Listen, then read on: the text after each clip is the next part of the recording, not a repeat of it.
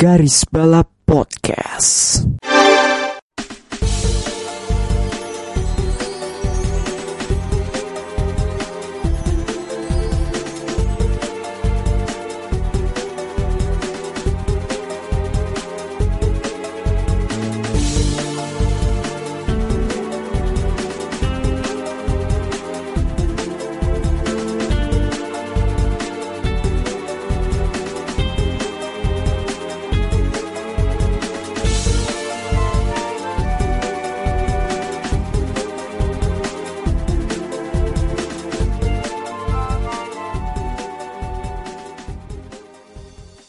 Lagi di Garis Balap bersama gue Bagus, admin utama Garis Balap. Tetapi gue tidak sendirian, ada Rifki dan Melinda di episode 104 ini. Selamat malam umat-umat yang masih aja naruh harapan Chelsea buat ngalahin Man City. Emang ada yang ngasih harapan, Ki? Selamat tim B. Ya, ya ada kan ada aja kan Gus orang-orang yang yang nggak tahu deh GWS nih kayaknya dia. Ya sih, Eh, soalnya beberapa fans kan masih berharap, padahal udah udah pasti. Jangankan UCL, Europa League, Conference League gak bisa gitu kan. Udahlah, selama selama masih dilatih sama Super Frank, what do you expect? Ya, dan juga pelatih-pelatih lainnya tidak bisa, bukan tidak bisa, tidak mau ke Chelsea. Salah satunya Nagelsmann. Nagelsmann aja tolak Spurs. Udah, sama juga. jajang zaman aja. Aduh, bagaimana sih kalian malah terjebak di zaman? Aduh, aduh. Atau ya itulah Indra Syafri lah kan yang lokal pride. Yoi, yoi. Gitu kan. Dia bisa memprediksi sebuah kemenangan. Bahkan dia sebelum sebelum peluit panjang pun itu udah udah memprediksi, wah bakal menang. Gitu kan. Kayak waktu SEA Games kemarin. Belum peluit panjang. Udah bisa Siapa ini aja. Siapa yang kena? Untung, untung, untung itu menang ya. Oke, tapi kenapa? Ya, gua gua ada gua cerita anjing sih kan gua nobar kan itu kan. Ya, itu itu itu gua kayaknya bu- salah satu yang yang pertama itu masih belum bulat panjang itu iya. itu udah itu flare udah nyala udah habis itu anjing langsung ketika misu-misu semua Gue bisa kebayangin sih. Garuda tuh di di dekat Jadi- UGM tuh. Oh, kembang api flare, flare ya, lebih ke flare ya. flare flare. Ya udah ada flare udah ada gue nyalain mercon. Gak, gue gak, ini, ini tuh belum foto anjing. Gue gak bayangin, gue gak bayangin itu kebobolan di menit akhirnya tuh sambil nyalain flare itu gimana awkward banget Kocak sih, itu kocak sih. iya Aku- awkward banget Aku pas nonton juga sang, apa pas kebobolan lagi aku malah ketawa loh. sebenarnya gue juga gue kan itu kan momennya juga gue lagi lagi ini kan lagi layar lagi ini megang HP kan lagi apa melihat reaksi-reaksi dari berbagai lini masa di, di dunia internet eh apa namanya pada saat gue denger itu fluid cuma fluid itu fluidnya baru sekali loh sebenarnya. Tapi tapi emang iya orang tapi udah, emang udah, udah pada ngiranya. Terus udah ini tuh- kan udah full time kan. Ya itu ke itu gak gue bisa maklumi sih karena iya, emang iya, kayak nggak nggak sabar ses, nggak sesabar itu kita buat menang sebenarnya. Tapi itu baru full time sebenarnya dan bokap juga kalau nggak salah juga sempat heran. Kok belum belum ini apa sih namanya? Emang beneran udah full time? Belum kan belum pas ditonton siaran ulangnya lagi itu baru eh, ya sekali doang fluid iya baru cuman pas waktu Iya, itu fluid baru, yang baru baru Panjang sekali dia. sebenarnya. ya asal itu. Tapi tentunya eh, kejadian itu juga banyak serunya ya kayak ada kejadian ring dua babak ya.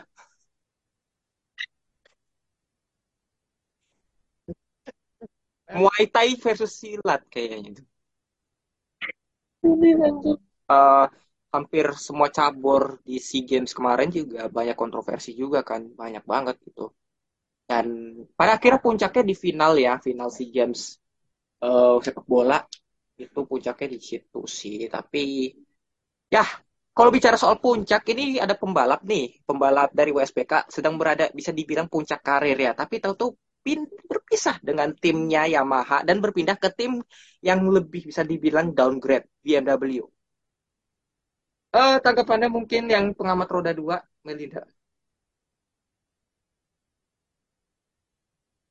Jujur gue bingung. Itu pas pertama kali infonya keluar ya. Itu Ya. aku sempet kaget pas memutuskan untuk keluar dari Yamaha gitu. Hmm.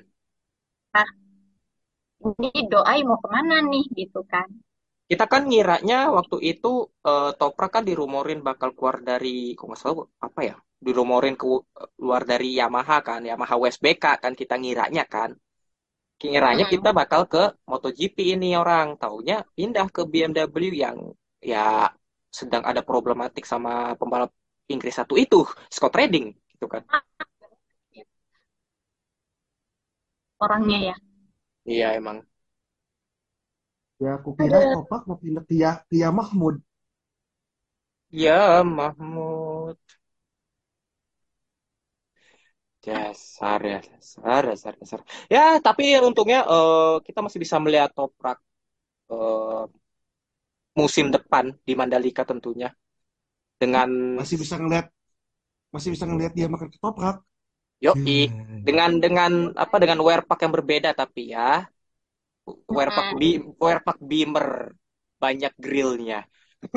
Tapi tapi tapi ya anyway, eh lagi.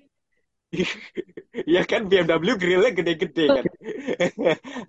Tapi ya, anyway, eh, ngomong-ngomong soal balap apa yang gede-gede nih, kita kan pekan ini ada balapan yang besar juga, Mega Race dan juga balapan terak, salah satu balapan terakbar di motorsport Indy 500 dan pekan kema Salah akhir dua. pekan kemarin, hah? Salah dua minggu minggu ini tuh kan ada Indy sama Ah, Monaco. salah satunya, salah satunya. Salah satu ya pokoknya itulah eh, Indy 500 soalnya akhir pekan kemarin baru diadakan kualifikasi dan bump day-nya. Kalau lihat dari starting grid-nya ya tentunya Alex Palou raih pole di mobil nomor 10 dan di baris dan juga di start di starting apa namanya eh, di baris tengah eh, dari Nus VK lalu ada di posisi 3 ada Felix Rosenqvist. Em, ini barisan yang Hmm, tapi perlu diingat bahwa sebenarnya di Indy 500 pole bukan jaminan sih.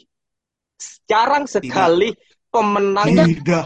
jarang sekali pemenang itu menang dari pole gitu di Indy 500. Mungkin komentarnya dari beberapa dari starting grid ini ada yang mengejutkan lu atau mungkin kayak ya ini just ordinary thing aja. Ada, ad- ada beberapa yang bikin gua kaget. Oke. Yang pertama adalah dari sahabatnya Arjun Maini, Santino Ferrucci, Mhm. yang juga merupakan eh, kawan Trump. Mhm. Anjing, gue nggak nyangka dia bisa, gue nggak nyangka loh dia bisa masuk ke Six. Ya itu keren sih. Fast Six apa? Apa dong. Six ya? Faksis dong. Kan dia di baris kedua. Gila. gue tuh sampai kaget sendiri. Eh, seriusan? Milang, Fisher dari mana anjing? Terus juga sangat surprisingly Andretti ngevlog. Bisa gue gue bisa bilang Andretti ngevlog di quali sama RL. Real teman Oh, Regan ini hancur banget. hancur banget emang. Sampai harus tiga-tiganya ya, Bam deh ya. Anjir. Tiga-tiganya yang yang yang full time day. Iya, anjir. Bener-bener loh. Yang lolos malah si ini kan. Anaknya. Anak yang Nah, punya ya tim. itu kan anaknya gagal lolos. Iya, day gagal sejak Harvey. iya. Anjing. Si Catherine Lee juga tuh gokil tuh. Catherine Lake Buat gokil. dia itu ya jadi fastest woman history. Yes. Yes, betul sekali. Meskipun ya pada hari berikutnya malah nabrak eh, Stefan Wilson ya. Sampai Nah, harus Stefan Wilson harus ya Udah ikut. Nggak ikut karena patah tulang belakangnya karena cedera Iya, cedera tulang belakang sorry. cedera. Eh, gua mungkin ya ini akan jadi balapan yang emosional bagi pembalap Brazil Tony Kanaan yang juga multi Oh iya. multi multiple eh multiple apa pokoknya pemenang Indy 500 ini Indy 500 terakhirnya dia sekaligus balapan terakhirnya dia sebagai racing driver setelahnya dia akan pensiun Yes.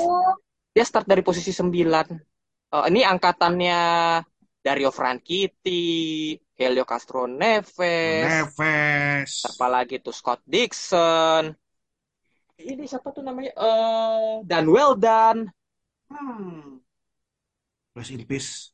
Ya, The The Lionheart. Tapi eh ini akan menjadi balapan terakhir ya Doi ya. Eh tapi emang tapi ya tapi dia juga cukup bagus loh sebenarnya loh. Gue gue cukup cukup ini sih dia berada di posisi 9. Eh tapi ada kecocokan kecocokologi sih. Gua nemu di internet kemarin eh tadi tadi sore itu kalau nggak salah kan Graham Rahal kan ini kan out dari Bum Day kan. Tepat Ya. tiga ti- tepat 30 tahun yang lalu bokapnya juga apa Sama. juga sama elim- tereliminasi di Bum Day. Dan pemenang saat itu di tahun 93 itu pembalap Brazil. Dan startnya dari posisi 9. hmm. Apakah Anjing, kalau sampai I- apakah ini akan kejadian? Kalau, sampai- kalau itu kejadian gila sih. Wah, Oh, itu nangis sih. anjir. Kayaknya nangis sih. Pas- Storybook storybook ending sih itu. Iya itu. Tony Kanan kayak waduh, bener-bener. Bener-bener dah. Dan ini akan jadi eh, siapa namanya Indy 500 pertamanya dari Agustin Canapino. Sebenarnya Canapino juga bagus. Eh, Eh Stigi sama Lundgaard. Longgar juga eh, dan Benjamin Pedersen itu gila juga sih emang Iya, Pedersen. rookie sih. Arsi Enerson juga rookie. Wah, ini bakal-bakal ini sih bakal-bakal bakal seru sih. Ya, kalau soal nonton di mana saya tidak tahu, tapi ya berharap saja pada link. Lundgaard. Eh, enggak deh, Lundgaard kan tahun lalu udah ya? Most likely ya udah deh, udah udah udah udah. Udah, udah, udah, udah, udah, Udah, udah, udah, udah, udah, lupa. Jadi, Udah, udah. eh, Anderson, eh, Rero, Pedersen sama Canapino. Canapino. Sayang banget gak ada si siapa? Linus. Hmm, Lundqvist ya. Nganggur dia sekarang ya, nggak nggak balapan ya. Iya, Ya, kasihan banget ya. fuck you. Fuck you, Penske, anjing lah. Ya, we'll see lah seperti apa eh, untuk Indy 500 nanti. Dan juga eh, pada weekend kemarin ada balapan yang sebenarnya cukup dinanti-nantikan oleh penggemar sports car atau mungkin sebagai pembalap pengganti apa namanya hiburan pengganti apa namanya eh, apa GP Emilia Romagna yang dibatalkan. Ada Spa eh Spa lagi. Ada 24 Hour Nürburgring. Ah, ini Ah. ini keta- ketahuan nih. Ketahuan admin utama lagi pengen ini ya, Spa Plus Plus ya. Tai. Nge. 24 Hour Nürburgring uh, dimenangkan oleh Fricadelli Racing Team, uh, Bamber, Nicky Kasper, Felipe Fernandez Lasser, dan David Pittard dengan mobil Ferrari 296 GT3. Ini, kalau tidak salah ya, correct me if I'm wrong, ini menjadi kemenangan perdana mobil non-Jerman ya di Jer di 24 Hour Nürburgring. Correct me if I'm wrong Since sih. kan pertama pertama setelah setelah sekian puluh tahun. Pertama setelah sekian puluh tahun kan. Oh iya, Iya. Dodge Dodge Viper pernah menang kalau nggak salah. Dodge Viper pernah menang. Itu kan mobil Amerika. Ya pokoknya kemenangan pertama setelah sekian puluh tahun aja. iya Ya. sekian tahun udah setahu Iya. Dan ini kemenangan yang didedikasikan untuk Sabine Smith karena beliau eh karena ya almarhum kan sempat membalap untuk Fricadelli juga kan Iya, Iya. misalnya gitu loh. Bering kan. Iya, ya it, Eh. this is good really good uh, for wrong. Hmm? Berarti ini kemenangan pertamanya Ferrari ini juga ya? Iya. Dengan mobil barunya ya? Dengan mobil barunya maksud gua. Hmm, yes. Yes. Oke. Oke, gua gua gua ba- gua baru gua baru ngecek eh ini kemenangan mobil non Jerman pertama di Nürburgring sejak ya Chrysler Viper GT SR tim Zakspeed tahun 2002. Kan udah, udah lebih dari 20 tahun. Iya, gue masih ini banget. Dan ya, mungkin ada beberapa komentar mengenai balapan ini dari kalian. Terutama untuk, aduh kasihan banget lagi Dacia Logan. Aduh kasihan banget itu mobil. Itu kolom Gua komen nggak ya, kolom komen di eh, channel yang Inggris isinya F semua. Iya anjir. Aduh, benar-benar itu mobil rusak parah dah. Ah sih itu Kayak, parah banget. Ya, ya kalau begini sih kayak, I don't know, ada yang bilang bahwa pro, apa namanya project Lo- Dacia Logan ini kayak nggak lanjut. Katanya sih nggak lanjut sih terus. Iya nggak lanjut, maksudnya deh ya nggak lanjut dalam beberapa tahun ke depan lagi karena kerusakan itu. Mm-mm. Anjing, bener-bener dah. Itu serem sih terus.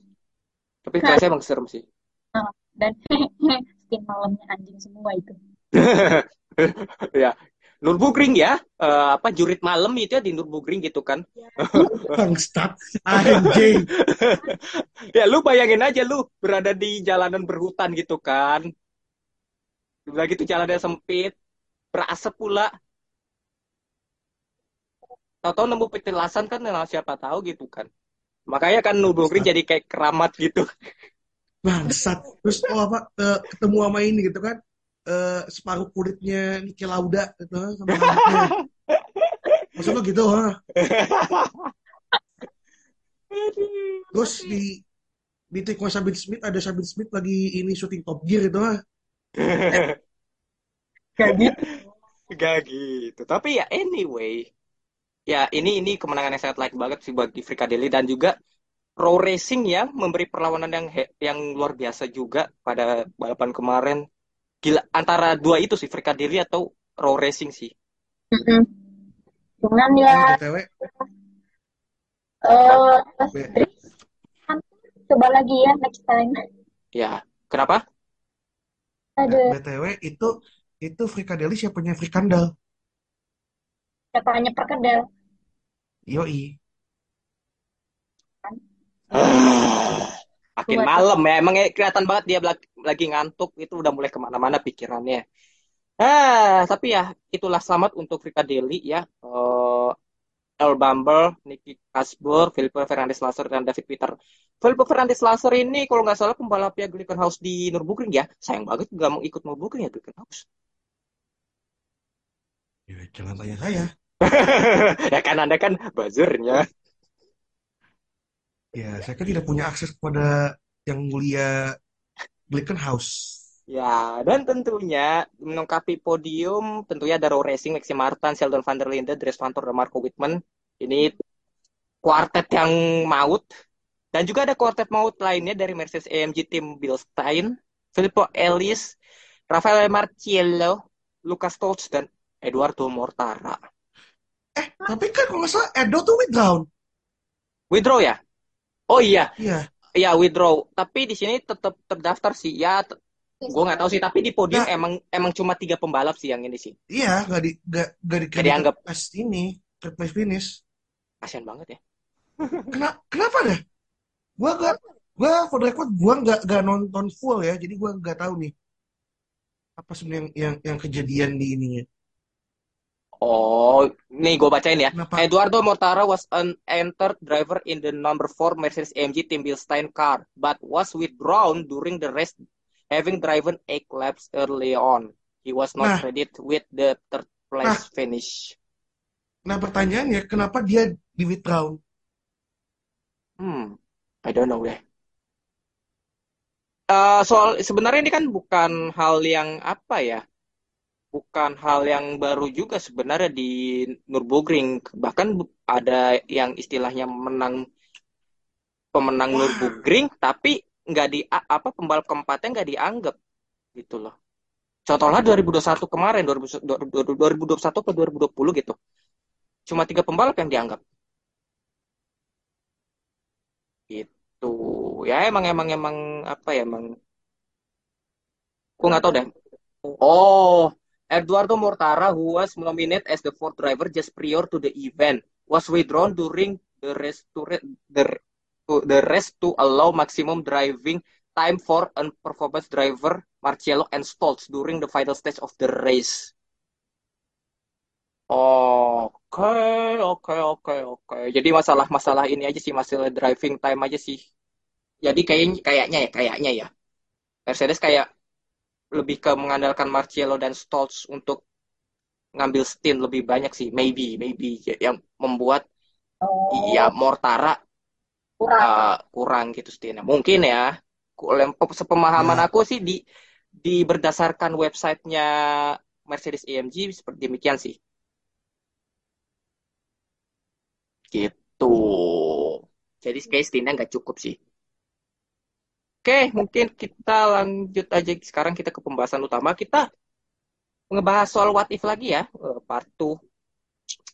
Setelah part pertama, kalau kalian mau denger yang part pertama boleh boleh aja eh, di podcast kita ada di episode berapa lupa pokoknya cari aja what if part 2 kan. Eh jadi masing-masing admin akan memberikan what if-nya masing-masing di motorsport apa pun. Meskipun kayak ini akan lebih banyak F1-nya ya daripada uh, sports car atau lain-lain. Ya kayaknya sih ini dominan F1 sih. Eh Iya. mungkin ya kita mulai dari admin Ayang. Eh, kalau kalian pernah dengar ada podcastnya siapa sih? Aku lupa namanya. Eh, itu Daniel eh, Daniel Kvyat itu pernah ditawarin, dia pernah bilang kalau misalnya dia pernah ditawarin seat eh, Ferrari buat ngegantiin Kimi. What if dia ngambil seat Ferrari itu instead of Red Bull? Hmm. Hmm. Masalahnya Red Bull nanti yang misalnya Daniel Kvyat asumsi asumsi Daniel Kvyat ke Ferrari penggantinya siapa? Carlos Sainz Sainz paling iya. atau Max Verstappen? Ya, asumsi kalau misalnya Carlos beneran diambil sama brand apa Renault kan. Hmm. Tapi kayaknya kalau misalnya Carlos Sainz, kayaknya kita nggak bakal lihat pembalap termuda yang pernah menangin Grand Prix deh.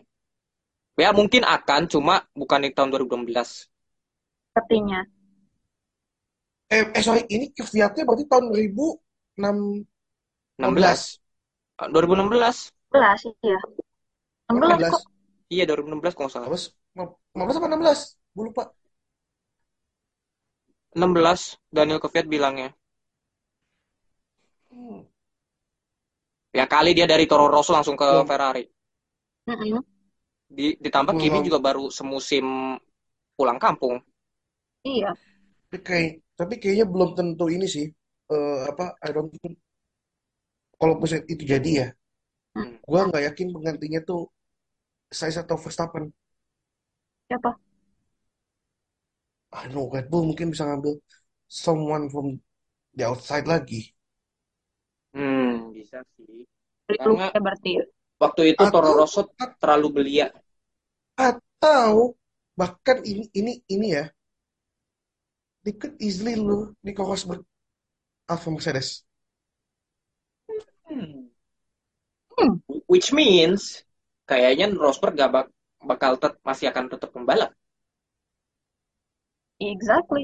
Karena Bisa jadi. 2016 dengan mobil Red Bull yang kayak tahun itu, ya oke, mobil Red Bull tahun itu sebenarnya nggak buruk, tapi angin-anginan sih lebih ke tepatnya sih. Awal-awal musim tuh Red Bull kala itu lagi nggak begitu bagus startnya.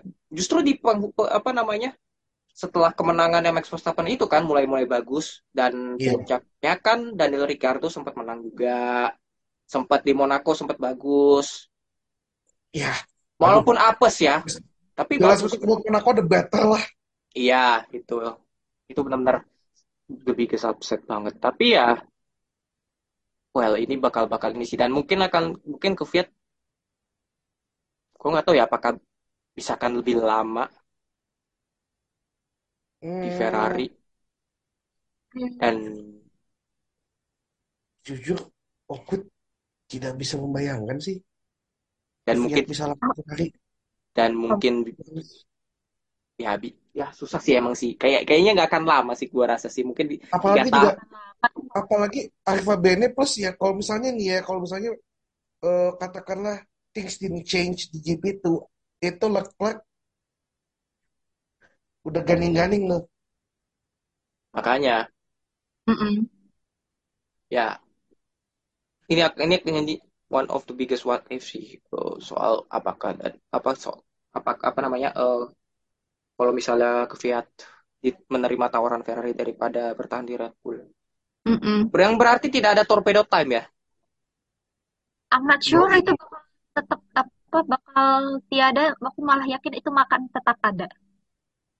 Oh ya tetap ada dan malah menjadi buah si malakama ya UI. bagi Ferrari oke ada lagi admin yang Ini berhubungan sama berita yang baru muncul ya, yang tadi kita sebutin yang soal toprak itu, yang dia masuk ke BMW. Padahal udah tahu BMW kayak gitu ya. Ah, ah, agak sedikit nggak paham sih dengan eh, jalur pikirnya toprak gitu. Cuman karena sempat awal beritanya itu kan dia keluar dari Yamaha WSBK Top gitu kan. Meaning ada dua nih gitu. Dia ke MotoGP atau dia pindah tim gitu kan. What if he chose the first the first choice which is pindah ke MotoGP gitu kan. Kayaknya ya, kalau menurut gua mungkin nggak akan ke pabrikannya langsung nggak sih? Ya mungkin kalau kecuali kalau misalnya Yamaha sangat sangat desperate pengen ngeluarin Gianni Morbidelli gitu kan. Ya mungkin bisa aja. Cuma bagi gue sih, Ya kalau menurut gue sih a mid rider sih, nggak berbeda jauh. Bahkan menurut gua nggak akan bisa menyamai levelnya Ben Spies.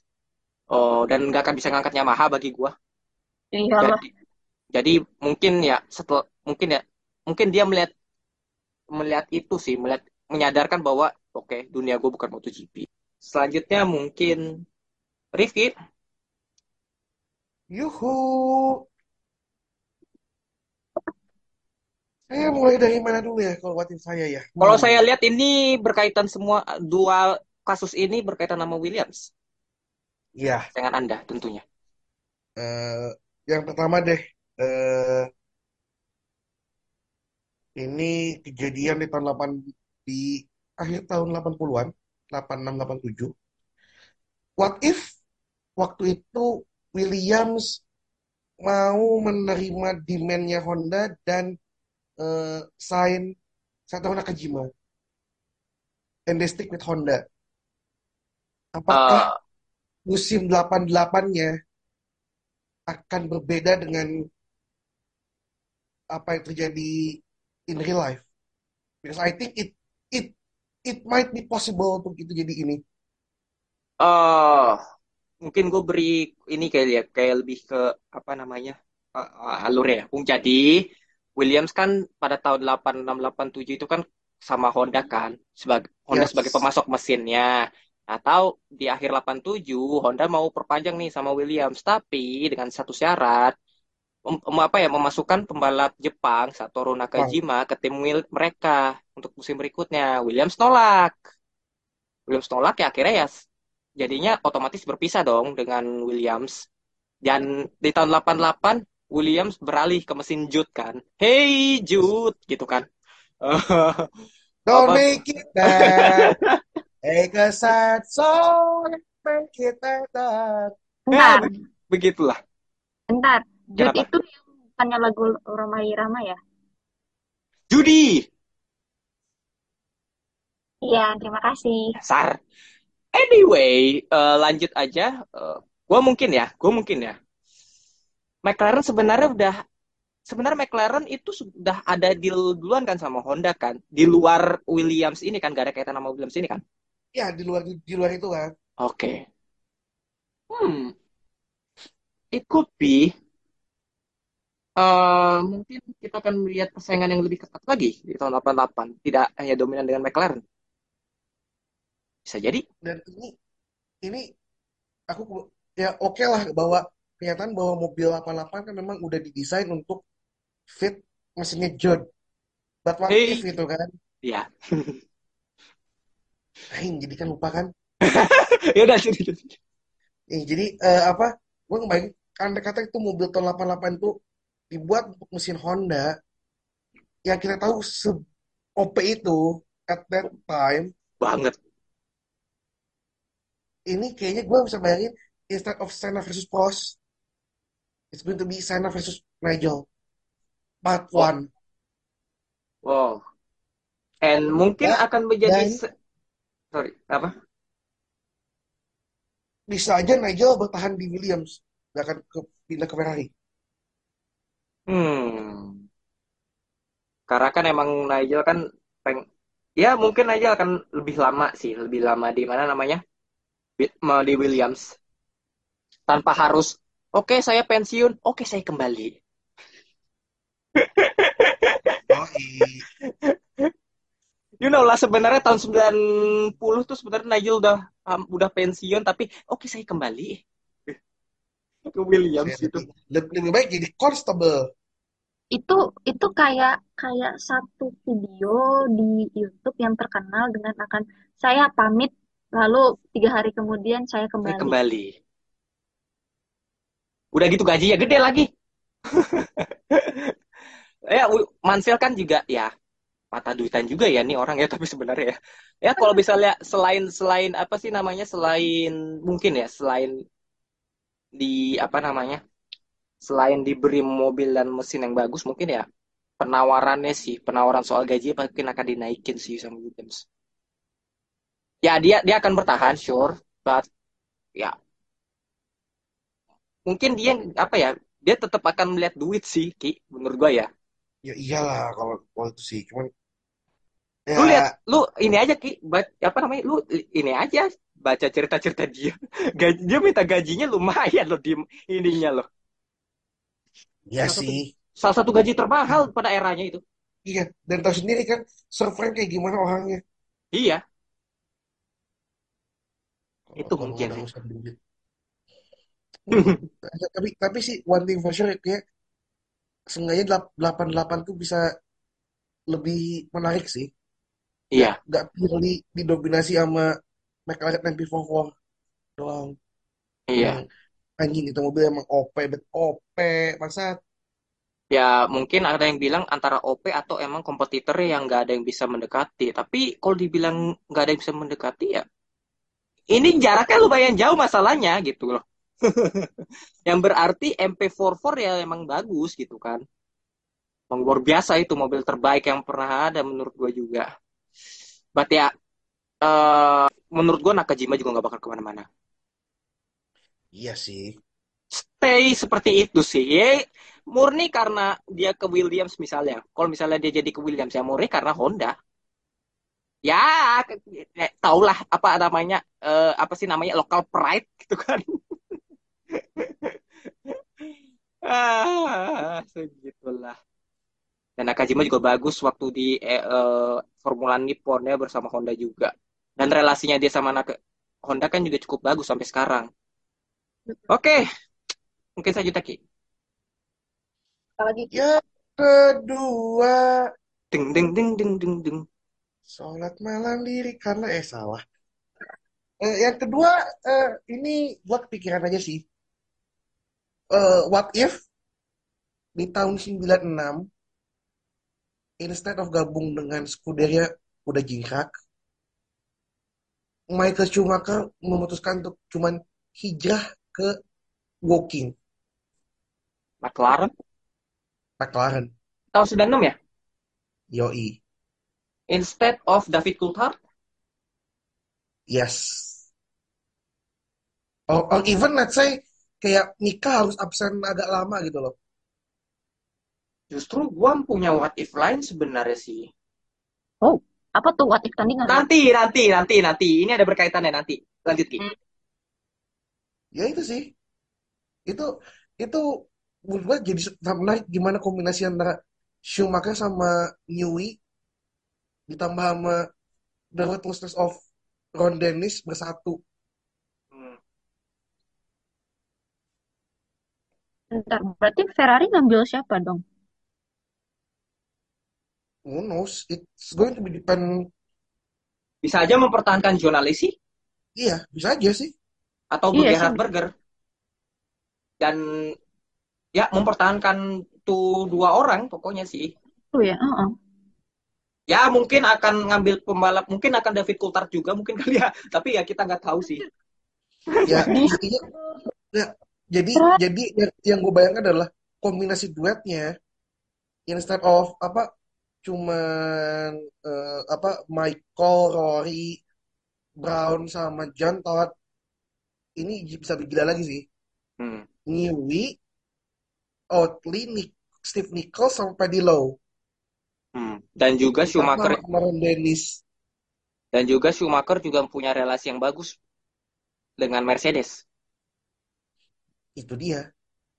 Eh sebenarnya gue udah pernah bawa ini kalau nggak salah ya eh, soal kalau nggak salah di tahun 98 soal Schumacher ini yang kayak udah gerah banget di Ferrari karena Ferrari nggak bisa membawa apa pun juga eh, untuk meraih di untuk dia bisa meraih gelar juara. Kalau nggak salah tahun 98 tuh Schumacher sama Ron Dennis sama gue lupa tuh bosnya Mercedes siapa itu ngadain meeting tertutup meeting rahasia gitu di di Monaco saat Monaco ya pada akhirnya nggak nggak kesampaian dealnya. Kalau nggak salah dealnya itu harus mengutamakan dia kalau nggak salah deh. Kalau nggak salah bak- bakal apa namanya eh, bakal setimet sama Mika tapi McLaren harus mengutamakan dia sebagai pembalap nomor satu yang which is kayaknya nggak nggak bisa dipenuhi sama sekali oleh Ron Dennis maupun siapa sih itu. Norbert Haug kalau nggak salah. Bosnya Mercedes eh ya gimana Mika? Saat itu juga lagi bagus tahun 98 ya ya kali lu mau jadiin pembalap apa namanya sebuah berlian yang udah jadi. Terus lu apa namanya demi memasuki apa demi apa namanya demi pembalap yang lebih gede lagi yang ada ini malah menurun si Mikanya. Ya jadi ya menurut gue McLaren juga mengambil langkah yang baik juga sih tahun 98 itu. Tapi kalau untuk yang tadi Rifki what if ya sih? Ini menarik sih sebenarnya sih. Hmm. Oke lanjut Ki. Gue jadi gak sabar dengan what if gue silakan Ki. Dan yang terakhir ini ini cukup masih cukup baru. Hmm. ya, ya relatif lah ya tahun 17-18 Hmm. What if pada masa itu the Williams family ngelepas tim itu ke Lawrence Stroll there is no Aston Martin. Or is it? Dan Williams Aston Martin? Oh, itu pertanyaan pertama Hmm.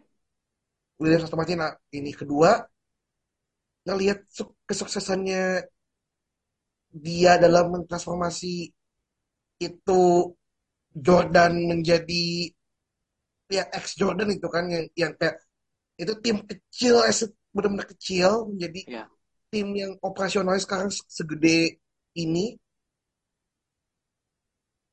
Gue sih bisa ngebayangin kayaknya ini orang bisa banget nih sebenarnya bawa Williams balik ke respectable position ya. Dalam artian ya nggak tahu kalau bisa dapet apa top 3 sih mungkin farfetch ya. Mungkin ada di top half of the table aja sih paling tidak Williams tuh nggak di paling apa posisi yang sekarang. Paling tidak. Dan setidaknya itu tidak ada sponsor ajaib kayak Rocket ataupun juga kejadian memalukan ke 2019 lah.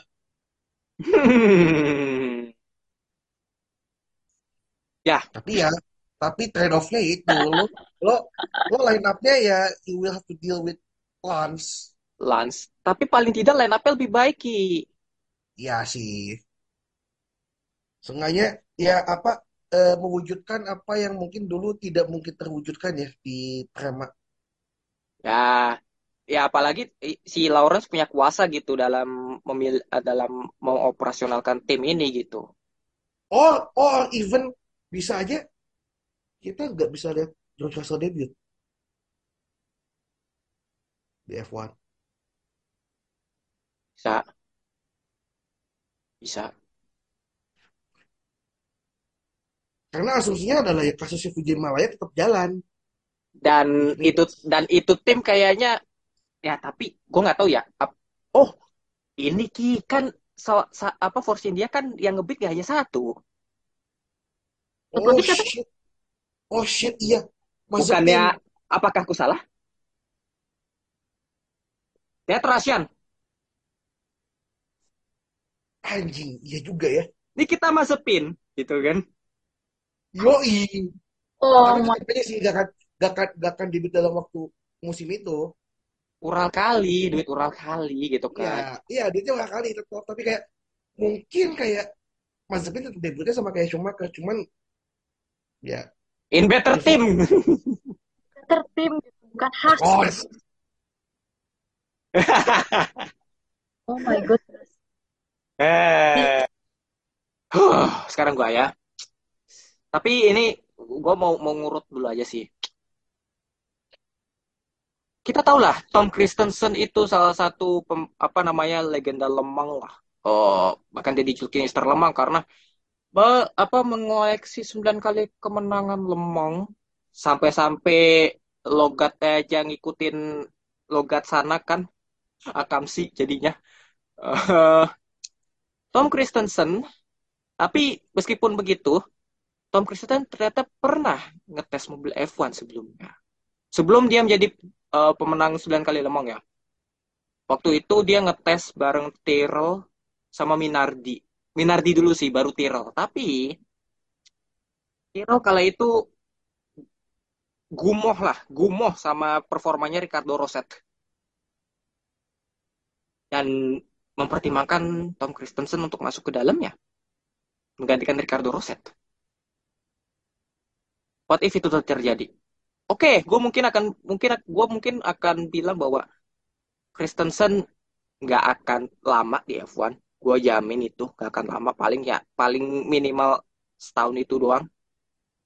Tapi paling tidak memberi hasil yang lebih baik gitu bagi Tyrrell meskipun ya tim itu akan kolaps juga pada akhirnya. Tap- Tapi paling tidak apa ya? memberikan kesempatan sih bagi Tom Christensen sih untuk di F1 gitu loh.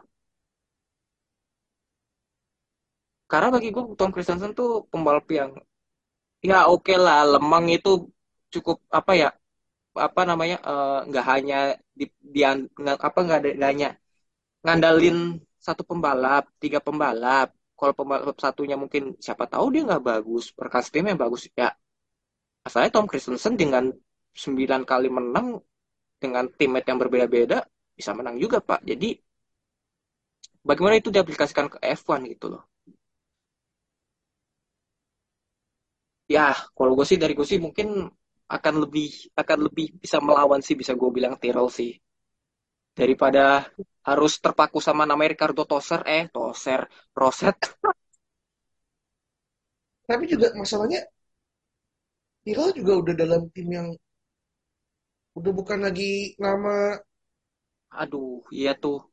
I- bigger bigger downgrade banget sih. Itu itu itu tetap bakal jadi downgrade dan I don't think it ya gue juga gak tahu sih itu bisa berapa lama tuh. Iya, dan dan juga ya mungkin Tyrrell itu ya, kalau mungkin di zaman sekarang ya amit-amit Ki, bukannya gue ngedoain Williams. Ya, itu sih emang em- emang fakta ya Iya, fakta. emang Tapi fakta tapi untungnya untungnya nggak sampai nasibnya kayak gitu gitu loh. Aduh, kasihan banget lagi. Dan juga kan Tom Christensen juga sempat jadi pembalap tesnya Michelin eh, untuk persiapan tahun 2001. Sempat tes juga sama Williams juga dia tuh.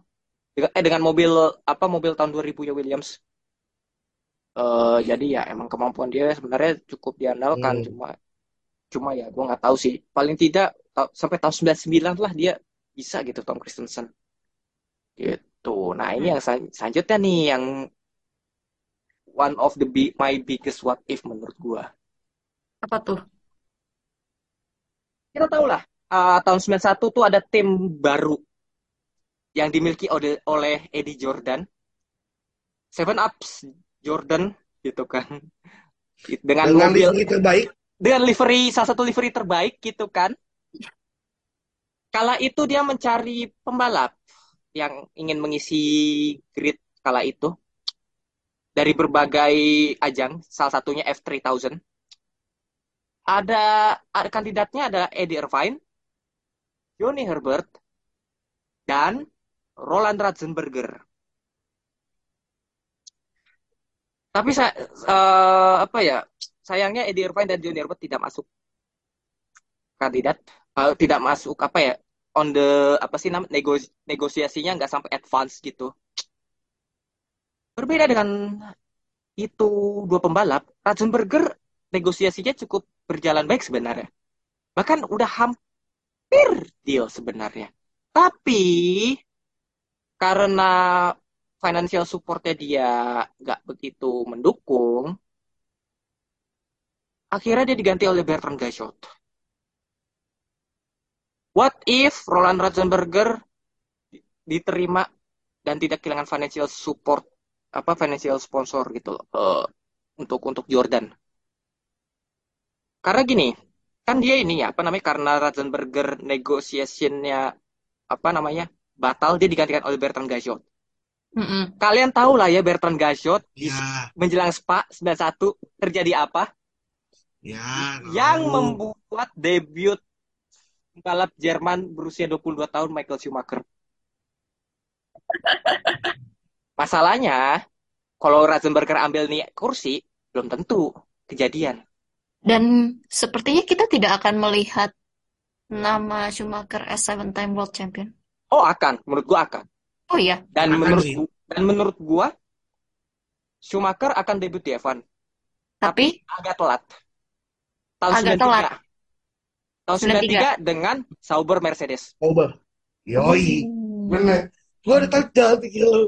Instead of Hans-Harald Sama. Frenzen, instead of Hans-Harald Frenzen, menurut gua Karl Wendlinger sama Michael Schumacher itu duet yang terbaik sih. Uh, menarik. Wah, wah itu itu kalau nggak menang agak Herman sih saya sih. Oh, oh atau ini kan 93 JJ Lehto sama Karl Wendlinger kan? Ya instead of Iya. JJ Lehto, Karl Wendlinger sama Schumacher. Cuma kan Heeh. Gimana Iya saudara-saudara? Dan ya kayaknya itu kita nggak akan pasti ya salah satu bagian dari weekend kolam 94 mung- mungkin mungkin ya again mungkin mungkin nggak akan kejadian. ya bisa jadi sih dan juga eh Schumacher gua nggak yakin di tahun pertamanya misalnya nih, misalnya dia di Sauber tahun 93. Gak yakin langsung ke Benetton atau gimana gi- gi- langsung gimana gimana sih. Meskipun dia akan tampil performa yang luar biasa di as a Sauber eh, driver. Tahu sendiri lah, eh, Schumacher tuh punya relasi yang baik dengan Mercedes seperti yang tadi gue bilang dan emang debutnya dia di sports car juga bersama Sauber dengan mobil Sauber Mercedes C11 dan ngikutin Le Mans juga tahun 91. Jadi ini menarik sih Ki. Karl Wendlinger sama Schumacher. Hmm. Wendlinger sebenarnya salah satu apa namanya pembalap potensial loh kala itu sebenarnya cuma gara-gara tahun 94 di Monaco dia ah, kasihan banget ya, Ya. gegar otaknya ke Ya, crash gede yang merubah semuanya menurut gua. itu aing masih masih ngeri itu tiap-tiap nonton itu. Wah, itu kan mirip-mirip Perez kan ya sebenarnya kecelakaannya Perez 2011. Aduh, tapi ya anyway ya makanya gue bilang ini berkaitan sama what if Ricky. Kalau Ratzenberger ambil ini kursi Jordan, nasibnya Schumacher gimana? ya tahun 93. Oh, this one is spicy, Gus. Dan juga, sorry, sorry, dan juga gua Apa? gua mungkin nggak yakin dia akan ke Benetton, Siapa? Schumacher. Hmm, Gua Iya mungkin gue ya mungkin pikiran liar gue adalah Schumacher bisa ke McLaren lebih awal daripada yang Rifki bilang. Tahun 95. Anjir. hmm. Wow. Berarti DC akan stay di Willis. Harusnya. Dan tahun 95 kita akan melihat duet Mika Hakkinen dan Schumacher lebih awal. Atau Daripada Dan lu ambil is- pembalap Sorry, sorry. Iya. Dan my question is, Hmm. DC ke mana? katakanlah katakanlah nih andai kata nih andai kata ya Sena survive Iya iya iya. Uh, you guys just altering the whole universe. ya gitu loh. ini ini masalahnya merembet ke mana-mana Memang ke mana-mana Ya masalahnya. makanya, makanya aku Nah, makanya aku ngomong bilang itu. ngomong-ngomong soal tadi soal Sena nanti gue bak nanti gue akan itu salah satu what if gue juga. Tapi untuk yang kita concernnya adalah Schumacher. McLaren gak perlu kontrak Nigel Mansell pak. iya sih Gak perlu itu Nigel Mansell badan gede gitu dengan ada fase-fase kecil. memalukan itu lah ya Iya. Lu bayangin aja Ki, Nigel Mansell badannya segede gitu masuk ke kokpit yang kecil kayak gini gitu. Anjing. Ya, tapi jujur, Aing, jujur sih, kenapa ya? Gue gue daripada, again, gue I'm a fan of Mika. Ah. Gue suka sama Mika, tapi tak kenapa gue lebih suka, gue lebih menarik lihat prospek duet DC sama Shumi. Hmm. Hmm. Of Wah. Mika, Mika, Mika sama ini. Ngon, ini kayak dua ini bakal ngebanyawa terus sih. Oh iya sih bener. Tapi itu ketolong DC-nya emang kayak gitu sih. Iya. I don't think Mika ngebayal Shumi duluan. juga, Shumi juga kelakuannya juga kan kadang suka ajaib. Iya, bener sekali.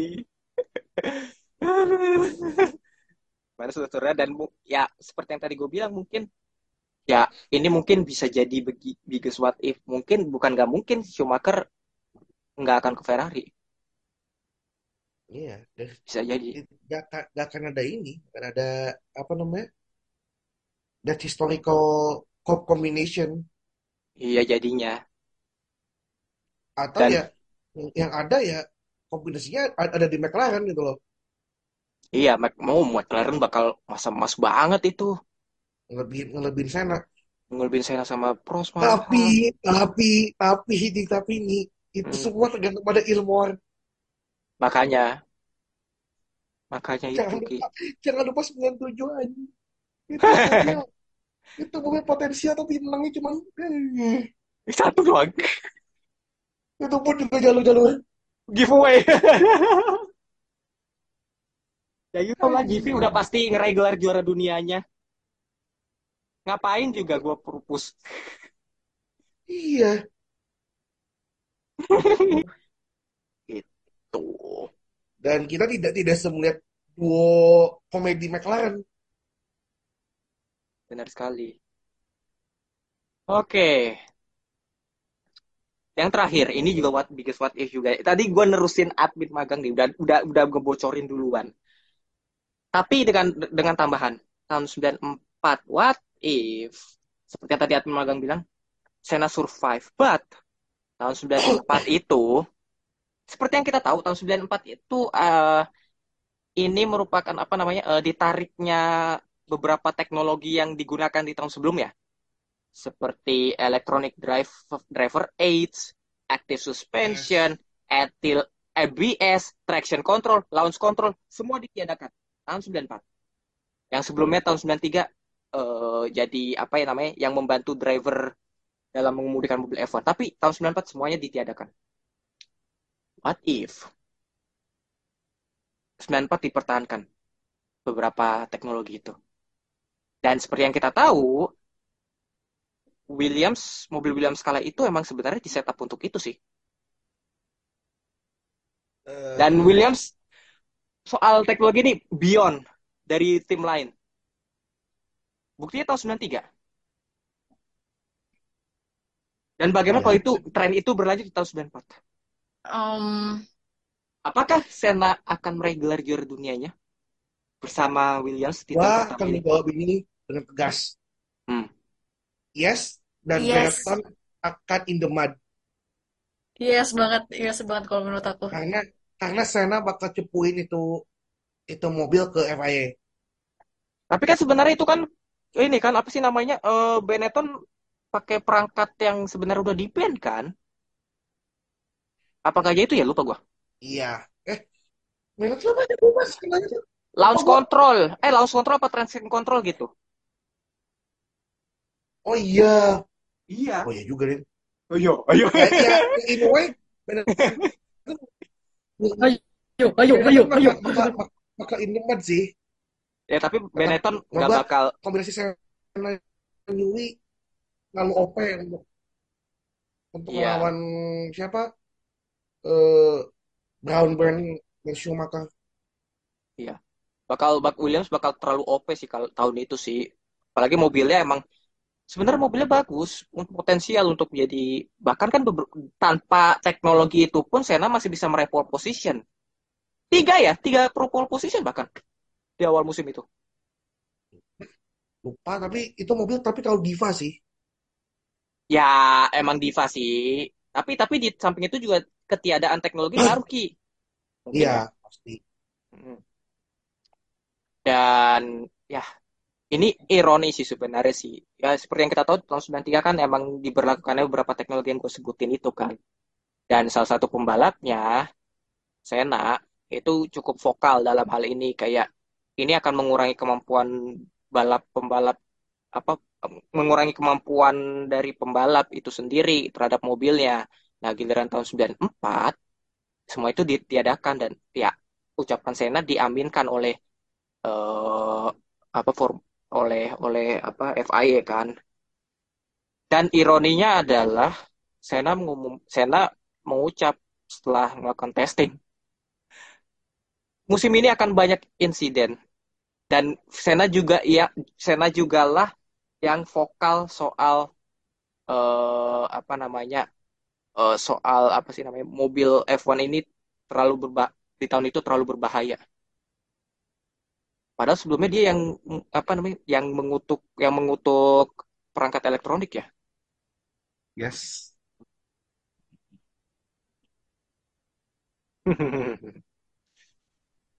Ironis sekali ya, tapi ya ya itulah namanya juga Ayrton Senna eh, manusia juga lah.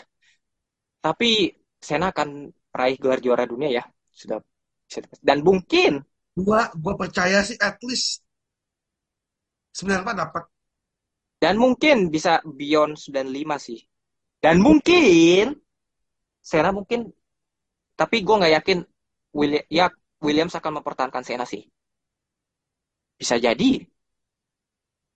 di tahun beri- di tahun 96 Senna ke Ferrari. Belum tentu sih. Tapi kalau kalau gue ya, Hmm. gue yang mikirnya adalah pertama Justice Mindisi debutnya akan telat atau bahkan tembus F1. Kedua, Damon berarti gak akan dapat juara dunia sama sekali nih. Damon akan jadi ya literally second driver. Iya. Gak akan ada tuh cerita apa Mo- eh, Murray Walker mewek kan di Jepang. I've got Dan lump on my throat. and what about Jack Villeneuve? Oh ya Jacques Villeneuve. He get the chance to go to F1? Tapi sebenarnya ta- tapi sebenarnya menurut gue juga Senna nggak bakal lama juga Ki di F1. Ya, Paling cuma tapi berapa tahun doang. tapi apakah Williams akan tergoda dengan sosok Jack Villeneuve? Ya juga sih. Dan tapi ini juga mengaruh juga sih ke safety sih. Kalau misalnya Senna di, di Ya, di saat- ya mungkin safety-nya mungkin ke eh, perangkat elektroniknya ini diadakan lah ya eh, yang membuat pembalap lebih mudah mengontrol mo- mobil balapnya itu sendiri. ya Tapi beyond dari itu sih nggak bakal nggak se- be- gua eh, mungkin akan secanggih ini tapi mungkin per ininya agak telat sih pengembangannya. Pengembangan soal safety. ya kalau gue sih bayangnya bahkan ya sirkuit-sirkuit yang kita kenal sekarang mungkin akan punya desain yang layout yang berbeda. Bisa jadi. Imola will remain the same, Monaco will not change that much. Dan bahkan gue berani bilang there's always a chance Hockenheim will remain the same. Hmm. Hmm. Nggak jadi hutan belantara ya. Tapi juga itu juga punya konsekuensi lain sih. Hmm. There, there will be no Hans, there will be no uh, reinforcement akan jadi ta- tanya tech saf- safety Hmm. dan ya Ayrton bakal jadi lead ini sih GPDA sih. Oh, oke. Itu aja kali ya mungkin ya. Pekan ini ada Indy 500 seperti yang kita bilang tadi. Lalu ada Monaco Grand Prix, Eh, dua balapan itu, dua balapan akbar. Dan ada lagi nggak sih Aku lupa balapan? MotoGP itu kapan ya? Coba. Kayaknya nggak ada deh weekend ini deh. Saya Dan sebentar. Aku sembari lihat jadwal dulu, sayang. sembari kita menunggu admin Ayang melihat kalender MotoGP, Saya, saya, saya, gue cuma mau mengingatkan kita ada nobal dari sembalap kawan kita Oh iya betul. berlangsung di gak ada ya?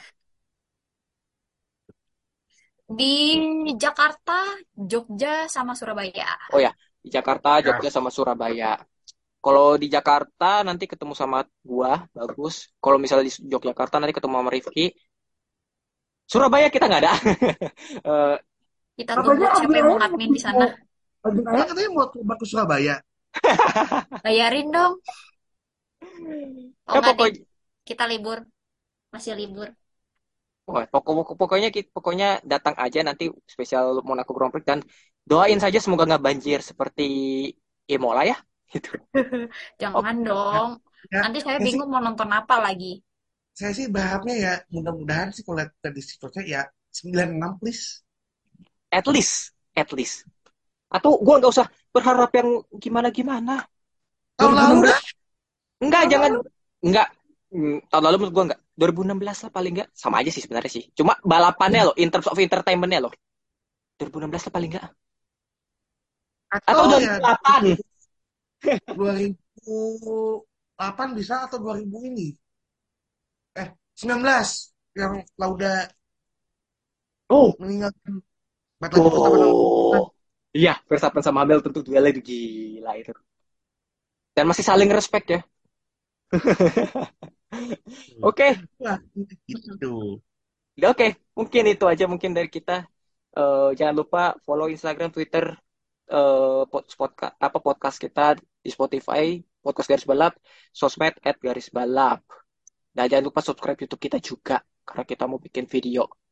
Belum bik- belum tiba memang tapi ya ya sudahlah subscribe dulu aja pokoknya ya. Itu itu aja mungkin dari kita. Gue bagus, Melinda dan Rifki undur diri. Sampai jumpa di episode berikutnya. Sampai jumpa di Nobel. Dadah.